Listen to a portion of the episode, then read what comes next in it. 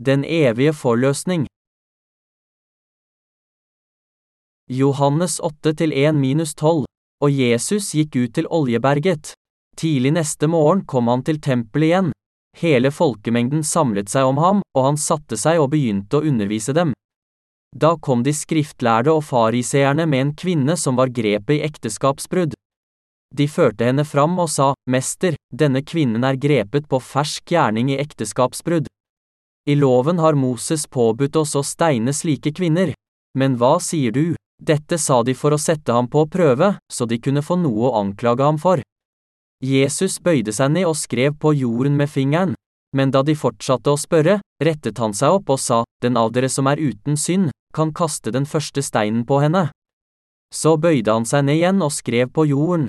Da de hørte dette, gikk de bort, én etter én, de eldste først. Til slutt var Jesus alene igjen, og kvinnen sto foran ham. Da rettet han seg opp og spurte, Kvinne, hvor er de? Har ingen fordømt deg? Hun svarte, Nei, Herre, ingen. Da sa Jesus, Heller ikke jeg fordømmer deg. Gå bort, og synd ikke mer fra nå av. Igjen talte Jesus til folket og sa, Jeg er verdens lys. Den som følger meg, skal ikke vandre i mørket, men ha livets lys. Hvor mye synd utslettet Jesus? Alle verdens synder. Jesus ga oss evig forløsning. Det finnes ingen i denne verden som ikke kan bli frelst hvis noen tror på Jesus som sin frelser. Han forløste oss alle. Hvis det finnes en synder som pines over sine synder, er det fordi vedkommende har misforstått hvordan Jesus har frelst ham, henne fra alle synder ved sin dåp og korsfestelse. Vi bør alle kjenne og tro på frelsens hemmelighet. Jesus overtok alle våre synder i dåpen og har tatt på seg dommen for våre synder ved å dø på korset. Du bør tro på vannets og åndens frelse, den evige forløsningen fra alle synder. Du bør tro på Hans store kjærlighet som allerede har gjort deg rettferdig. Tro på det Han har gjort for din frelse ved Jordanelven og på korset. Jesus kjente også til alle våre skjulte synder. Noen mennesker har en feilaktig oppfatning av synd. De tror at noen synder ikke kan forløses. Jesus har forløst alle synder, hver eneste en av dem. Det finnes ikke en eneste synd i denne verden som han har utelatt. Fordi han har utslettet alle synder i denne verden, er sannheten at det ikke finnes flere syndere. Er du klar over at evangeliet har forløst alle dine synder, også dine fremtidige synder? Tro på det og bli frelst, og gi all ære til Gud. Kvinnen som ble grepet på fersk gjerning i utroskap. Hvor mange mennesker i verden begår ekteskapsbrudd? Alle sammen. I Johannes 8 fortelles det om en kvinne som ble grepet på fersk gjerning i ekteskapsbrudd, og vi ser hvordan Jesus reddet henne. Vi vil gjerne dele den nåden hun fikk. Det er ikke for mye forlangt å si at alle mennesker begår ekteskapsbrudd på et eller annet tidspunkt i livet. Hvert eneste menneske begår utroskap. Hvis du ikke tror det, er det bare fordi vi gjør det så ofte at det ser ut som om vi ikke gjør det. Hvorfor? Vi lever med så mye utroskap i livene våre. Når jeg ser på kvinnen i Johannes 8, tenker jeg på om det finnes noen blant oss som ikke har drevet hor. Det finnes ingen som ikke har begått ekteskapsbrudd, akkurat som kvinnen som ble tatt på fersk gjerning. Vi har alle gjort det, men vi later som om vi ikke har gjort det. Tror du jeg tar feil? Nei, det gjør jeg ikke. Se nøye inn i deg selv. Alle mennesker på jorden har gjort det. De begår utroskap mens de ser på kvinner på gaten, i tankene og i handlingene sine, når som helst og hvor som helst. De er bare ikke klar over at de gjør det. Det er mange mennesker som ikke innser før den dagen de dør at de har begått utallige utroskap i løpet av livet. Ikke bare de som har blitt tatt, men alle oss som aldri har blitt tatt. Alle mennesker gjør det i tankene og i handlingene sine. Er ikke dette en del av våre liv? Er du opprørt? Det er sant. Vi er bare diskrete fordi vi skammer oss. Sannheten er at folk i dag begår ekteskapsbrudd hele tiden, men de er ikke klar over at de gjør det. Mennesker begår også utroskap i sjelen. Vi som er skapt av Gud, lever på denne jorden uten å være klar over at vi også begår åndelig utroskap. Å tilbe andre guder er det samme som å begå åndelig utroskap, for Herren er hele menneskehetens eneste ektemann.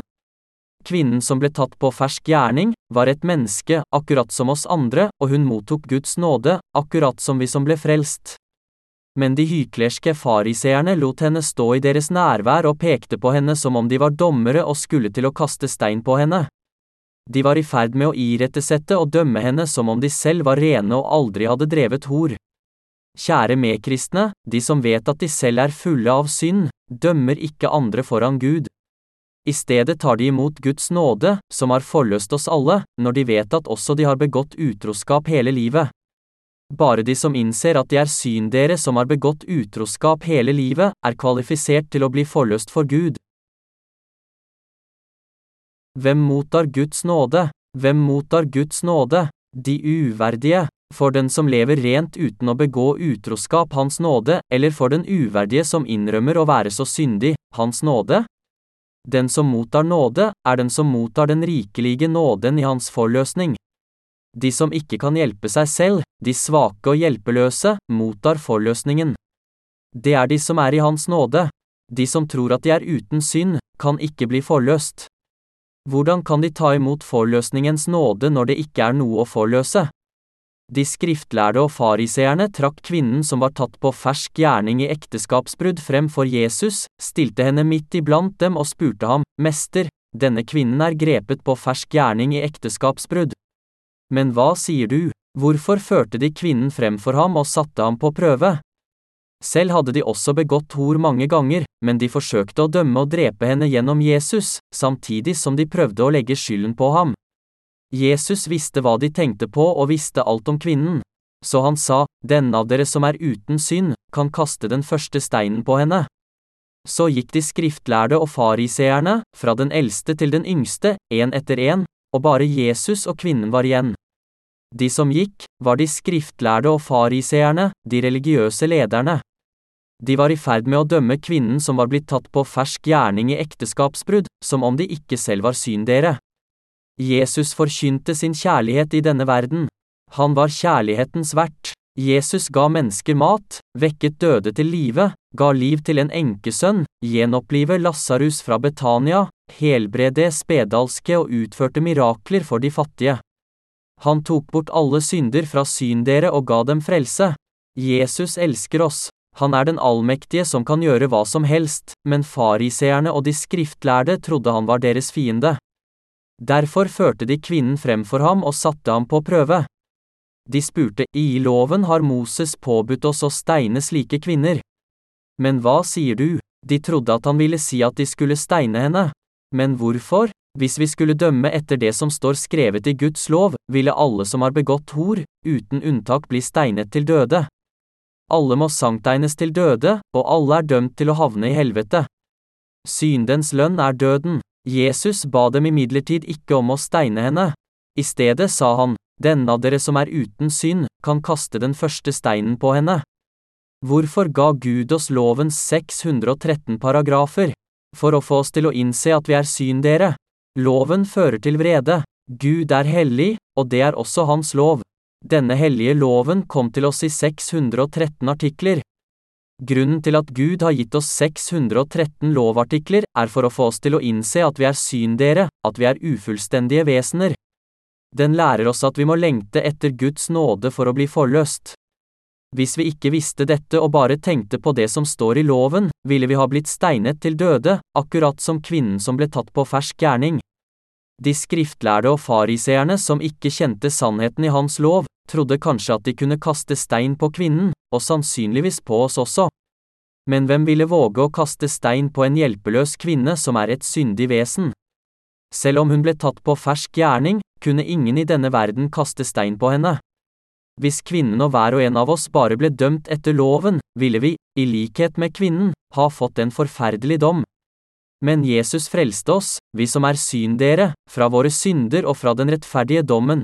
Med alle våre synder, hvem av oss ville overlevd hvis Guds lov ble fulgt til punkt og prikke? Hver og en av oss ville ende opp i helvete, men de skriftlærde og fariseerne kjente bare til loven slik den var skrevet. Hvis Guds lov ble anvendt riktig, ville den drepe dem like sikkert som den som ble dømt etter den. Guds lov ble faktisk gitt til menneskene for at de skulle innse sine synder, men de har lidd fordi de har misforstått og anvendt den feil. Dagens fariseere, akkurat som fariseerne i Bibelen, kjenner bare loven slik den står skrevet. De burde forstå Guds nåde, rettferdighet og sannhet. De må bli undervist i forløsningens evangelium for å bli frelst. Fariseerne sa, i loven har Moses påbudt oss å steine slike kvinner. Men hva sier du? spurte de og holdt selvsikkert på steinene sine. De var sikre på at Jesus ikke ville ha noe å si til det. De ventet på at Jesus skulle bite på agnet deres. Hvis Jesus hadde dømt etter loven, ville de også ha steinet ham. Hensikten var å steine både kvinnen og Jesus. Hvis Jesus hadde sagt at de ikke skulle steine kvinnen, ville de ha sagt at Jesus foraktet Guds lov og steinet ham for Guds bespottelse. Det var et forferdelig komplott. Men Jesus bøyde seg ned og skrev på bakken med fingeren, og de fortsatte å spørre ham, Hva sier du? Hva er det du skriver på bakken? Bare svar på spørsmålet vårt. Hva sier du? De pekte på Jesus med fingrene og fortsatte å plage ham. Så reiste Jesus seg og sa til dem at den av dem som var uten synd, skulle kaste en stein på henne først. Så bøyde han seg ned og fortsatte å skrive på bakken. De som hørte det, ble overbevist av samvittigheten og forlot stedet en etter en, fra den eldste til den siste. Jesus ble stående alene igjen med kvinnen foran seg. Den av dere som er uten synd, kan kaste den første steinen på henne. Hvor er syndene nedtegnet? På hjertets tavle og i gjerningsbøkene. Jesus sa til dem, Den av dere som er uten synd, kan kaste den første steinen på henne, og han fortsatte å skrive på bakken. Et par av de eldre begynte å gå sin vei. De eldre fariseerne, som hadde begått flere synder, kunne gå først. De unge gikk også. La oss tenke oss at Jesus sto blant oss, og at vi sto rundt kvinnen. Hvis Jesus hadde sagt til oss at den av oss som var uten synd, skulle kaste en stein først, hva ville du ha gjort? Hva hadde Jesus skrevet på bakken? Gud, som har skapt oss, skriver syndene våre på to forskjellige steder. For det første skriver han våre synder på hjertets tavle. Judas synd er skrevet opp med jerngriffel og risset inn med diamantstift på deres hjertetavle og på alterhornene, Jeremia 17-1. Gud taler til oss gjennom Juda, som er vår representant. Menneskets synder er inngravert med en penn av jern, med spiss som en diamant. De er nedtegnet på tavlen i våre hjerter. Jesus bøyde seg ned og skrev på bakken at alle mennesker er syndere. Gud vet at vi synder, og han graver syndene inn på hjertets tavle. Først registrerer han våre gjerninger, syndene vi begår, fordi vi er skjøre for loven. Etter hvert som syndene registreres i hjertene våre, innser vi at vi er syndere når vi ser på loven. Siden han har nedtegnet dem i hjertene og på samvittigheten vår, vet vi at vi er syndere for ham. Den andre gangen bøyde Jesus seg ned for å skrive på bakken. Skriften sier også at alle våre synder er nedtegnet i gjerningsbøkene for Guds åsyn, Johannes, Apenbaring 2012. Hver synders navn og synder er nedtegnet i boken. De er også nedtegnet på hjertets tavle. Våre synder er nedtegnet både i gjerningsboken og på hjertets tavle. Syndene er nedtegnet på tavlen i alles hjerter, unge som gamle. Det var derfor de ikke hadde noe å si om syndene sine til Jesus. De som prøvde å steine kvinnen, sto hjelpeløse overfor hans ord. Når blir syndene våre, som er nedtegnet på to steder, slettet? Når vi tar imot forløsningen av Jesu vann og blod i våre hjerter. Men når du tar imot Hans frelse, blir alle dine synder i gjerningsboken slettet, og navnet ditt blir oppført i livets bok. De som står oppført i livets bok, kommer til himmelen. Deres gode gjerninger, det de har gjort i denne verden for Guds rike og hans rettferdighet, blir også skrevet inn i livets bok. De blir tatt opp i himmelen. De som blir frelst fra sine synder, kommer inn i evighetens sted. Husk at alle menneskers synder er nedtegnet på to steder, så ingen kan lure Gud. Det finnes ingen som ikke har synde eller begått utroskap i sitt hjerte. Alle mennesker er syndere og ufullkomne. De som ikke har tatt imot Jesu forløsning i sitt hjerte, kan ikke annet enn å pines over sine synder. De er ikke selvsikre, de er redde for Gud og andre på grunn av sine synder. Men i det øyeblikket de tar imot evangeliet om vannets og åndens forløsning i sine hjerter, blir alle syndene som er nedtegnet på tavlene i deres hjerter og i gjerningsboken visket ut. De blir befridd fra alle sine synder. Det finnes en livets bok i himmelen.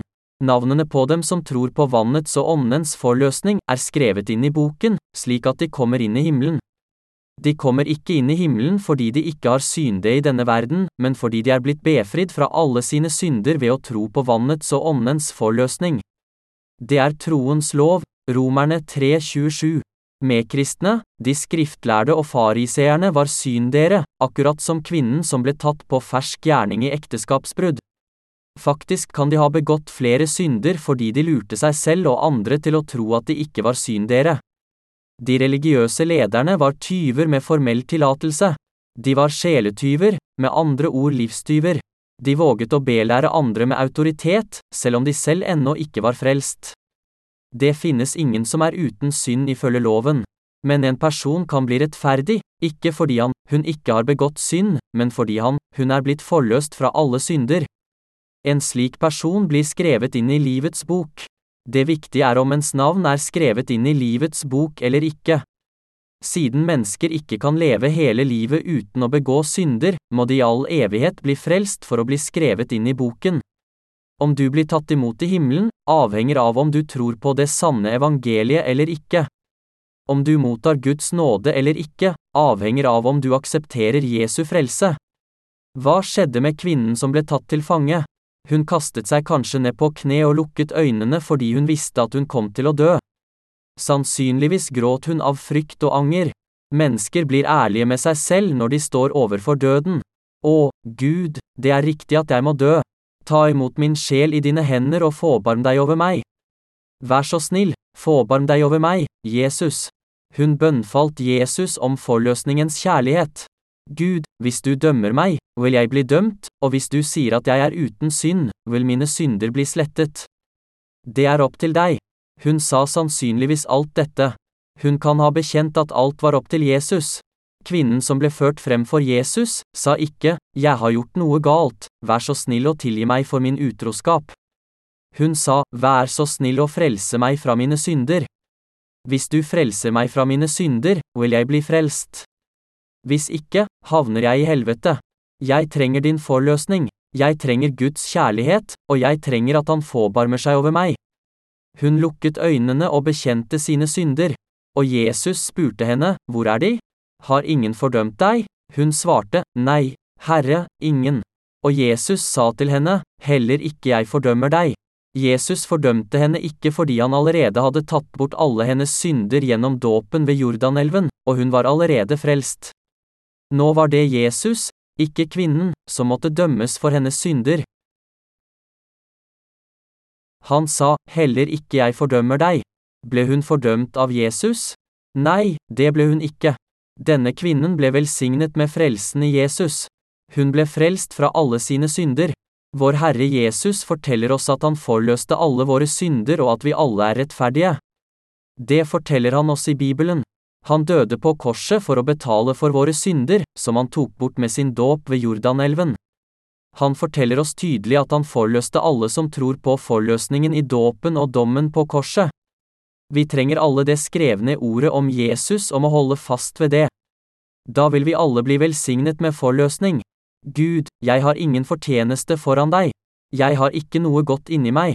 Jeg har ikke annet å vise deg enn mine synder. Men jeg tror at Jesus er min forløsende Herre. Han tok bort alle mine synder ved Jordanelven og sonet dem på korset. Han tok bort alle mine synder med sin dåp og sitt blod. Jeg tror på deg, Herre. Det er slik du blir frelst. Jesus fordømmer oss ikke. Han ga oss retten til å være Guds barn, til dem som tror på forløsningen av vann og ånd, har han tatt bort alle deres synder og gjort dem rettferdige. Kjære venner, kvinnen ble forløst. Kvinnen som ble grepet i ekteskapsbrudd, ble velsignet med vår Herre Jesu forløsning. Slik kan vi også bli velsignet. Enhver som erkjenner sine synder og ber Gud forbarme seg over ham, henne, og enhver som tror på vannets og åndens forløsning i Jesus, mottar forløsningens velsignelse fra Gud. De som innrømmer sin syndighet for Gud, kan bli forløst, men de som ikke innser sine egne synder, kan ikke bli velsignet med forløsning. Jesus tok bort verdens synder, Johannes 1,29. Enhver synder i verden kan bli frelst hvis han, hun tror på Jesus. Jesus sa til kvinnen, heller ikke jeg fordømmer deg. Han sa at han ikke fordømte henne fordi alle hennes synder allerede var født på ham gjennom dåpen. Han tok alle våre synder på seg, og han ble dømt for dem i stedet for oss. Vi må bli frelst før Jesus. Hva er størst, Guds kjærlighet eller Guds dom? Guds kjærlighet. Både fariseerne, med steiner i hendene, og dagens religiøse ledere tolker loven til punkt og prikke. De mener at siden loven sier at vi ikke skal drive hor, skal de som begår slike synder sanktegnes til døde. De stjeler et blikk på kvinner med uanstendige øyne mens de later som om de ikke driver hor. De kan ikke bli frelst eller frelst. Fariseerne og de skriftlærde var denne verdens moralister. Det var ikke dem Jesus kalte til seg. Disse menneskene fikk aldri høre fra ham, jeg vil ikke fordømme dere. Det var bare kvinnen som ble grepet i ekteskapsbrudd som hørte disse gledelige ordene. Hvis du er ærlig overfor ham, kan du også bli velsignet som henne. Gud, jeg kan ikke annet enn å begå ekteskapsbrudd hele livet. At jeg ikke er klar over det, er bare fordi jeg gjør det så ofte. Jeg begår en slik synd flere ganger hver dag. Når vi aksepterer loven og det faktum at vi er syndere som må dø, og ærlig møter Gud og sier, Gud, det er slik jeg er. Vær så snill å frelse meg, vil Gud velsigne oss med sin forløsning. Jesu kjærlighet, evangeliet om vann og ånd, har vunnet over Guds rettferdige dom. Heller ikke jeg fordømmer dere. Han fordømmer oss ikke, han sier, dere er forløst. Vår Herre Jesus Kristus er barmhjertighetens Gud. Han har frelst oss fra alle verdens synder. Vår Gud er rettferdighetens Gud og kjærlighetens Gud. Vannets og åndens kjærlighet er enda større enn hans dom. Hans kjærlighet er større enn hans rettferdighet. Hvorfor forløste han oss alle? Fordi hans kjærlighet er større enn hans rettferdighet. Hvis Gud hadde håndhevet sin dom for å fullføre sin rettferdighet, ville han ha dømt alle syndere og sendt dem til helvete men fordi Jesu kjærlighet, som frelser oss fra dommen, er større, sendte Gud sin eneste sønn, Jesus. Jesus tok alle våre synder på seg og mottok den rettferdige dommen for oss alle. Nå blir alle som tror på Jesus som sin frelser, hans barn og rettferdige.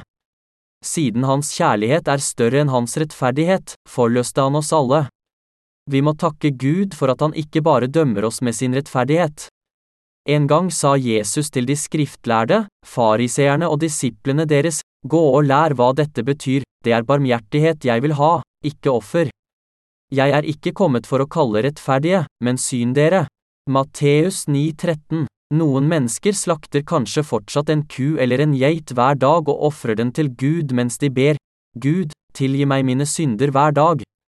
Gud er ikke ute etter våre offergaver, men vår tro på vannets og åndens forløsning. Han vil at vi skal bli forløst og frelst. Han vil gi oss sin kjærlighet og akseptere vår tro. Kan dere alle se dette? Jesus har gitt oss sin fullkomne frelse. Jesus hater synd, men han har en brennende kjærlighet til menneskene, som er skapt i Guds bilde. Han hadde allerede før skapelsen bestemt seg for å gjøre oss til sine barn, og utslettet alle våre synder med sin dåp og sitt blod. Gud skapte oss for til slutt å forløse oss, kle oss i Jesus og gjøre oss til sine barn. Dette er hans kjærlighet til oss, hans skapninger. Hvis Gud bare dømte oss i henhold til sin rettferdige lov, ville vi, synderne, alle måtte dø.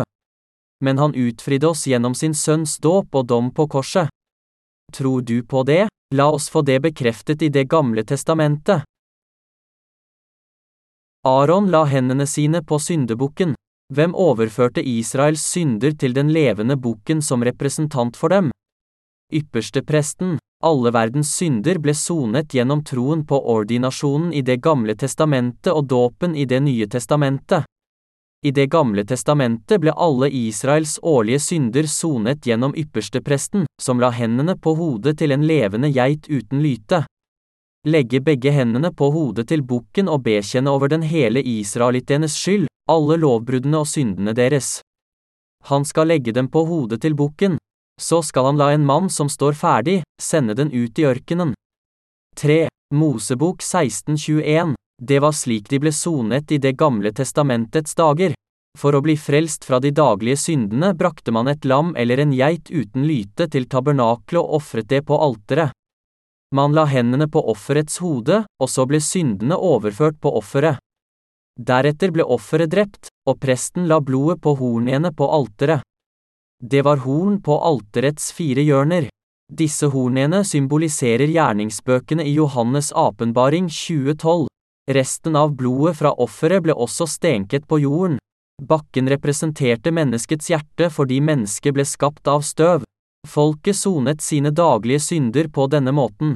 De kunne imidlertid ikke ofre syndoffer hver dag, så Gud tillot dem å gjøre opp for alle sine årlige synder en gang i året. Dette ble utført på den tiende dagen i den sjuende måneden, forsoningsdagen.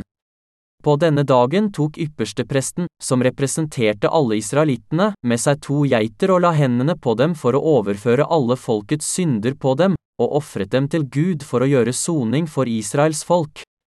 Legge begge hendene på hodet til bukken og bekjenne over den hele israelittenes skyld, alle lovbruddene og syndene deres. Han skal legge dem på hodet til bukken. 3. Mosebok 1621 Gud hadde utpekt Aron, Israels øverste prest, til å være representant.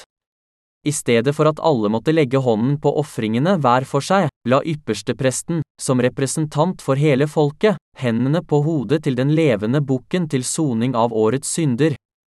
Han fortalte om alle Israels synder for Gud, og Gud, dine Israels barn har synde. Vi har tilbedt avguder, brutt alle paragrafene i din lov, kalt ditt navn forgjeves, skapt andre avguder og elsket dem høyere enn deg. Vi har ikke holdt sabbaten hellig, vi har ikke respektert våre foreldre, vi har drept, drevet hor og tyveri. Vi henga oss til sjalusi og krangel. Han listet opp alle syndene. Gud, verken Israels folk eller jeg har vært i stand til å holde noen av dine lover. For å bli frelst fra alle disse syndene legger jeg hendene mine på hodet til denne bukken og legger alle disse syndene på den. Ypperstepresten la hendene på offeret for hele folket og la alle syndene på offerets hode. Ordinasjon eller håndspåleggelse betyr å overføre, 3. Mosebok 1 til 1 minus 4, 10 på halv 5 minus 21. Hvordan ble forsoningen utført på Det gamle testamentets tid?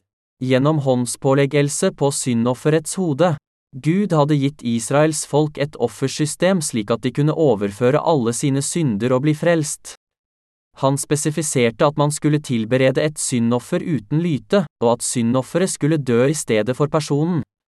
Slik foregikk forløsningen av den enkelte synder, men på soningsdagen ble syndofferet drept, og blodet ble ført inn i det hellige sted og stenket på nådestolen sju ganger. På denne måten sonet Israels folk ett års synd på den tiende dagen i den sjuende måneden. Ypperstepresten gikk alene inn i det hellige for å ofre, men folk samlet seg utenfor og lyttet til lyden av gullklokkene på kanten av yppersteprestens kjortel. Gullklokkene ringte syv ganger da blodet ble stenket på nådestolen. Da kunne folket glede seg over at alle syndene deres var sonet. Lyden av gullklokkene er lyden av et gledelig evangelium. Det er ikke sant at Jesus elsker noen utvalgte mennesker og forløser bare dem. Jesus tok bort alle verdens synder på en gang i dåpen. Han ønsket å frelse oss en gang for alle. Syndene våre kunne ikke forløses hver dag, så de ble utslettet på en gang. I Det gamle testamentet ble forsoning gitt gjennom ordinasjon og syndofferblod. Aron la hendene på hodet til en levende geit foran hele folket og ramset opp alle syndene folket hadde begått i løpet av året. Han la syndene på bukken foran alle israelittene. Hvor ble det av folkets synder etter at ypperstepresten hadde lagt hendene på syndebukken? Alle syndene ble lagt på bukken. Deretter ble bukken ført bort av en passende mann. Bukken, med alle Israels synder på seg, ble ført ut i ørkenen der det verken fantes vann eller gress. Bukken skulle så vandre rundt i ørkenen under den brennende solen og til slutt dø. Bukken døde for israelittenes synder. Dette er Guds kjærlighet, forløsningens kjærlighet. Det var slik de sonet for et helt års synder på den tiden. Men vi lever i Det nye testamentets tid. Det er omtrent 2000 år siden Jesus kom til vår verden. Han kom og oppfylte løftet han hadde gitt i Det gamle testamentet. Han kom og forløste alle våre synder. For å frelse oss alle. Hva er betydningen av Jesus? Frelseren som skal frelse sitt folk fra deres synder. La oss lese Matteus 10 på halv 2 minus 21. Men da han hadde bestemt seg for dette, viste en Herrens engel seg for ham i en drøm og sa, Josef, Davids sønn. Vær ikke redd for å ta Maria hjem til deg som din kone. For barnet som er unnfanget i henne, er av Den hellige ånd. Hun skal føde en sønn, og du skal gi ham navnet Jesus, for han skal frelse sitt folk fra deres synder. Matteus 10 på halv 2 minus 21. Vår Far i himmelen lånte jomfru Marias kropp for å sende sin sønn til denne verden for å vaske bort alle verdens synder. Han sendte en engel til Maria og sa til henne, Hør! Du skal bli med barn og føde en sønn, og du skal gi ham navnet Jesus. Det betydde at sønnen som skulle komme gjennom Maria, skulle bli frelseren. Jesus Kristus betyr den som skal frelse sitt folk, med andre ord frelseren. Så hvordan frelste Jesus oss alle fra synden? Måten Jesus tok bort alle verdens synder på, var gjennom dåpen ved Jordanelven. Da døperen Johannes døpte ham, ble alle verdens synder overført på ham. La oss lese Matteus 3, 13-17. Da kom Jesus fra Galilea til Johannes ved Jordan for å bli døpt av ham. Men Johannes ville hindre ham og sa, Jeg trenger å bli døpt av deg, og så kommer du til meg. Jesus svarte, La det nå skje. Dette må vi gjøre for å oppfylle all rettferdighet. Da lot Johannes det skje. Da Jesus var blitt døpt, steg han straks opp av vannet. Og se, himmelen åpnet seg, og han så Guds ånd komme ned over seg som en due. Og det lød en røst fra himmelen, Dette er min sønn, den elskede, i ham har jeg min glede. Jesus gikk til døperen Johannes for å frelse oss alle fra våre synder. Han gikk ned i vannet og senket hodet foran Johannes. Johannes, døp meg nå. Det sømmer seg for oss å oppfylle all rettferdighet. Siden jeg skal ta bort alle verdens synder og frelse alle syndere fra deres synder, må jeg ta bort syndene deres med dåpen. Døp meg nå, tillat det, dermed var det passende å oppfylle all rettferdighet. Jesus ble døpt av døperen Johannes i Jordanelven, og i det øyeblikket ble all Guds rettferdighet som forløste våre synder, oppfylt.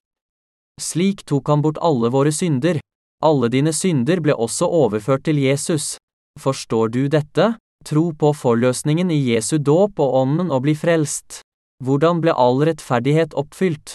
Gjennom Jesu dåp. Gud hadde først lovet Israel at alle verdens synder skulle vaskes bort ved håndspåleggelse og syndoffer. Men siden det var umulig for alle å legge hendene på geitebukken hver for seg, vigslet Gud Aron til ypperste prest slik at han kunne ofre for hele folket.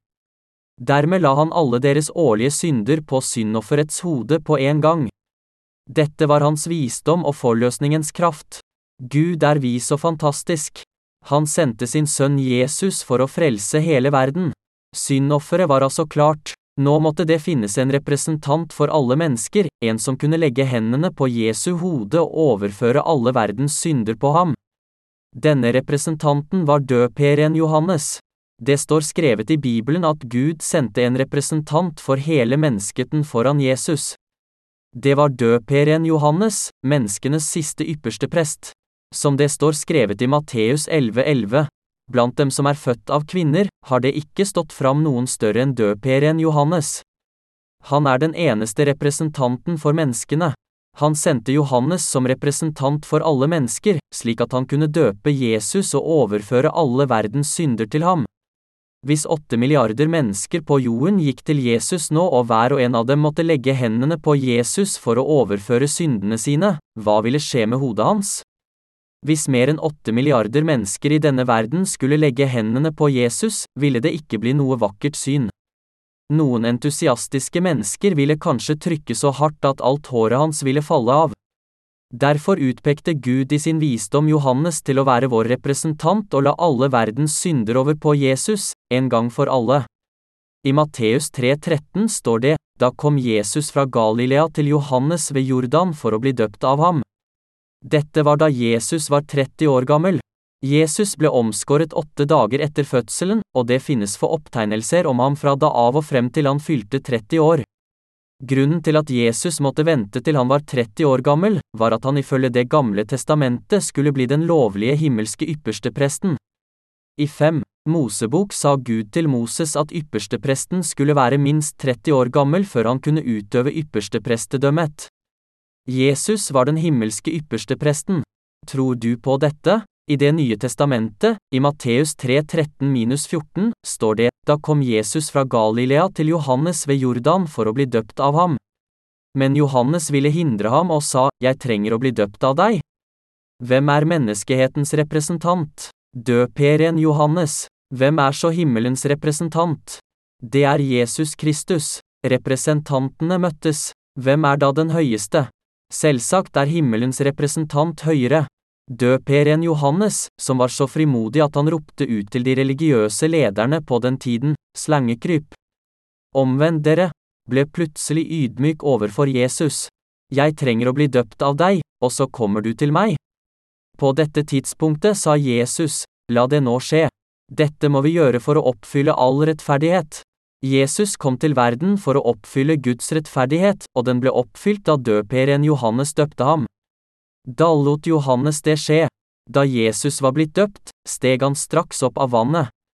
Og se, himmelen åpnet seg, og han så Guds ånd komme ned over seg som en due. Og det lød en røst fra himmelen, Dette er min sønn, den elskede, i ham har jeg min glede. Det var dette som skjedde da han ble døpt. Himmelens porter ble åpnet da han ble døpt av døperen Johannes og tok bort alle verdens synder. Fra døperen Johannes, dager og like til nå trenger himmelriket seg fram, og de som trenger på, river det til seg. Matteus 11,12 Alle profetene og Guds lov hadde profetert frem til døperen Johannes. Fra døperen Johannes, dager og like til nå trenger himmelriket seg fram, og de som trenger på, river det til seg. Alle som tror på hans dåp, kan komme inn i himmelriket uten unntak. Heller ikke jeg fordømmer deg. Hvorfor ble Jesus dømt på korset? Fordi han tok bort alle våre synder. Jesus ble døpt av døperen Johannes og tok bort alle verdens synder. Senere sa han til kvinnen som ble grepet på fersk gjerning i ekteskapsbrudd, heller ikke jeg fordømmer deg. Han fordømte ikke kvinnen fordi han tok bort alle verdens synder ved Jordan, og det var han selv, ikke kvinnen, som måtte dømmes for disse syndene. Jesus utslettet alle verdens synder. Vi kan se hvor redd han var for smerten han måtte utholde på korset, for syndens lønn er døden, Romerne 6,23. På Oljeberget ba han tre ganger til Gud om å ta denne dommen fra ham. Jesus var av kjøtt og blod, akkurat som andre mennesker, så det er forståelig at han var redd for smerten. Jesus måtte blø for å oppfylle dommen. Akkurat som syndofrene i Det gamle testamentet måtte blø for å betale for syndene, måtte han ofres på korset. Han hadde allerede tatt bort alle verdens synder, og nå måtte han gi sitt liv for vår forløsning. Han visste at han måtte dømmes for Gud, Jesus hadde ingen synd i sitt hjerte, men siden alle synder ble overført på ham gjennom dåpen, måtte Gud nå dømme sin egen sønn. Dermed ble for det første Guds rettferdighet oppfylt, og for det andre ga han oss sin kjærlighet for å frelse oss. Derfor måtte Jesus dømmes på korset. Jeg fordømmer dere ikke, og jeg dømmer dere ikke.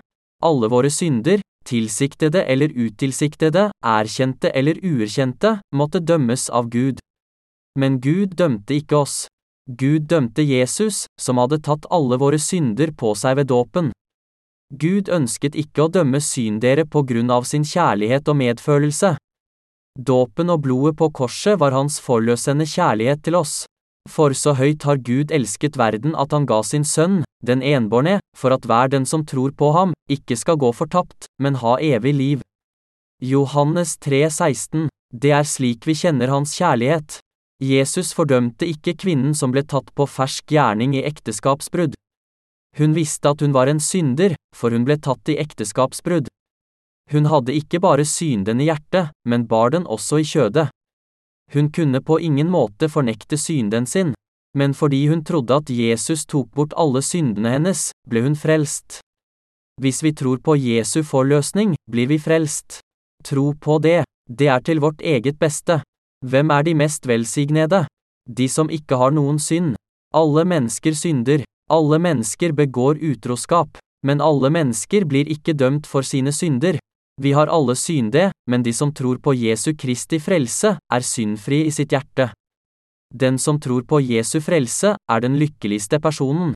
De som er frelst fra alle sine synder, er de mest velsignede. De er med andre ord blitt rettferdige i Jesus. Gud forteller oss om lykken i Romerne 4-7. Salige er de som har fått sine lovbrudd tilgitt og sine synder skjult. Vi synder alle helt til vi dør. Vi er lovløse og ufullstendige for Gud. Vi fortsetter å synde i selv etter at vi er blitt klar over Hans lov. Vi er så svake, men Gud frelste oss ved dåpen og ved sin enbårne sønns blod og forteller oss, deg og meg, at vi ikke lenger er syndere, og at vi nå er rettferdige for ham. Han forteller oss at vi er hans barn. Evangeliet om vann og ånd er evangeliet om evig forløsning. Tror du på det? De som tror, kaller han de rettferdige, de forløste og sine barn. Hvem er den lykkeligste personen i denne verden? Den som tror og er blitt frelst ved å tro på det sanne evangeliet. Er du blitt frelst? Unngikk Jesus å ta dine synder? Nei, han tok på seg alle dine synder i dåpen. Tro på det, tro og bli forløst fra alle dine synder. Som feid bort med en feiekost. Hvor mye synd tok Jesus bort? Alle verdens synder. La oss lese Johannes 1,29.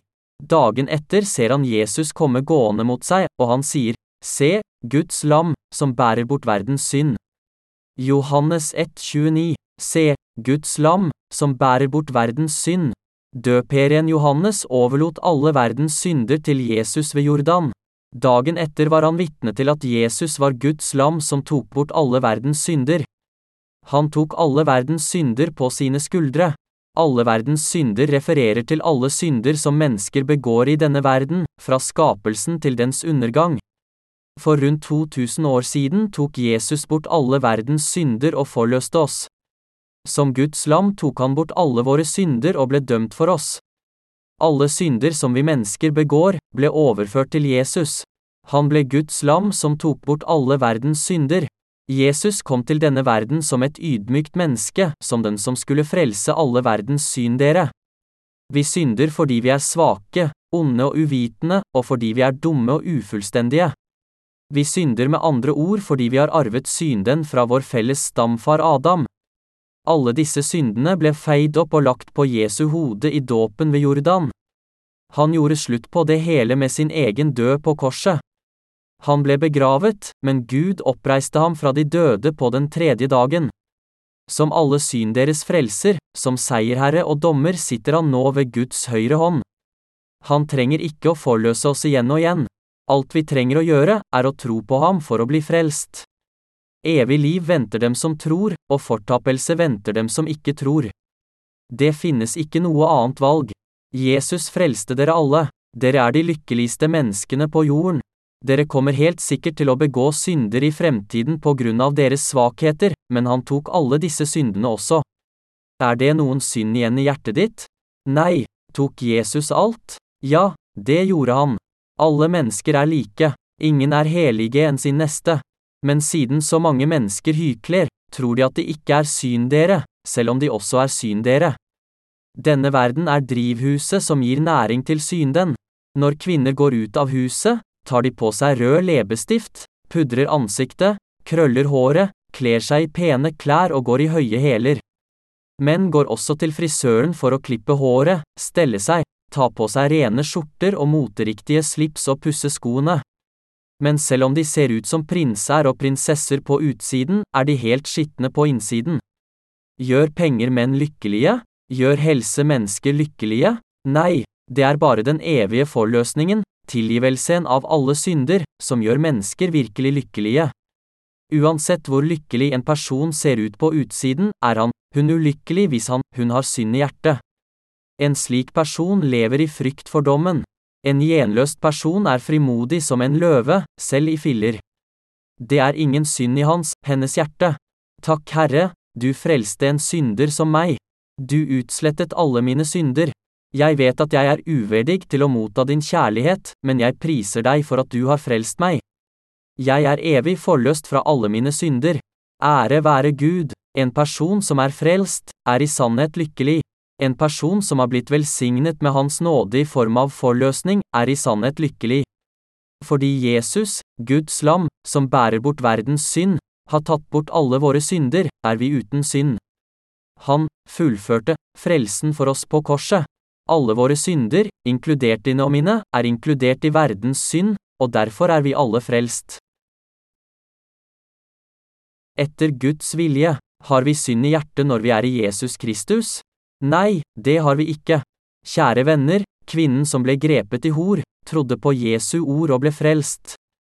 Historien hennes er nedtegnet i Bibelen fordi hun ble velsignet med hans evige forløsning. De hyklerske skriftlærde og fariseerne flyktet imidlertid fra Jesus. Hvis du tror på Jesus, er det himmelen som venter deg, men hvis du forlater Jesus, kommer du til helvete. Hvis du tror på hans rettferdige gjerninger, er det som himmelen, men hvis du ikke tror på hans gjerninger, er det som helvete. Forløsningen er ikke opp til den enkeltes innsats, men til Jesu frelse. La oss lese Hibreen 10. Loven inneholder bare en skygge av alt det gode som skulle komme, ikke det sanne bildet av tingene. Hvert år bæres det fram offer som stadig er de samme, men med disse makter ikke loven å gjøre dem som ofrer, fullkomne. Ellers hadde de vel holdt opp med å bære fram offer? For hvis de som deltar i gudstjenesten, var blitt renset en gang for alle, ville det ikke lenger ha noen bevissthet om synd. Men ofrene er hvert år en påminning om synd. For blodet av okser og bukker kan umulig ta bort synder. Derfor sier Kristus når han kommer inn i verden, slaktoffer og offergave ville du ikke ha, men en kropp gjorde du i stand til meg, brennoffer og syndoffer hadde du ingen glede i. Da sa jeg, se, her kommer jeg for å gjøre din vilje, Gud. I bokrullen er det skrevet om meg. Først sier han, slaktoffer og offergaver, brennoffer og syndoffer ville du ikke ha og hadde du ikke glede i, enda det er slike offer som bæres fram etter loven. Deretter sier han, se, her kommer jeg for å gjøre din vilje. Han opphever det første for å la det andre gjelde. I kraft av denne viljen er vi blitt heliget ved at Jesu Kristi kropp ble båret fram som offer en gang for alle, Hibrerne 10 til 1 minus 10. Etter Guds vilje, ofret Jesus sitt liv for å ta på seg våre synder på en gang, ble dømt på en gang og gjenoppsto. Derfor er vi blitt heliget. Blitt heliget, Hibrerne 10 over 10, er skrevet i presens. Det betyr at vår forløsning er fullstendig fullført og ikke trenger å nevnes igjen. Du er blitt heliget. Alle prester står daglig og gjør tjeneste og bærer gang på gang fram de samme ofrene, som aldri kan ta bort synder. Men Jesus har for alltid båret fram et eneste offer for synder og satt seg ved Guds høyre hånd. Nå venter han bare på at hans fiender skal bli lagt som skammel for føttene hans. For ved en eneste offergave har han for alltid gjort dem som helliges, fullkomne, Hibreeren 10.11-14. Dere er alle heliget for alltid. Hvis du synder i morgen, blir du da en synder igjen? Tok ikke Jesus bort disse syndene også? Jo, det gjorde han. Han tok bort fremtidens synder også. Også Den hellige ånd vitner for oss om dette. For først sier han, dette er pakten jeg vil slutte med dem i dager som kommer, sier Herren, jeg vil legge mine lovbud i deres hjerte og skrive dem i deres sinn. Også, jeg vil ikke lenger huske syndene deres og all deres urett men der det er tilgivelse for syndene, trengs det ikke lenger noe offer for synd. Hibreerne kvart over ti minus 18. Uttrykket er tilgivelse for syndene betyr at han sonet alle verdens synder. Jesus er vår frelser, både min frelser og din frelser. Troen på Jesus har frelst oss. Dette er forløsningen i Jesus og den største nåden og gaven fra Gud. Du og jeg, som er forløst fra alle synder, er de mest velsignede av alle.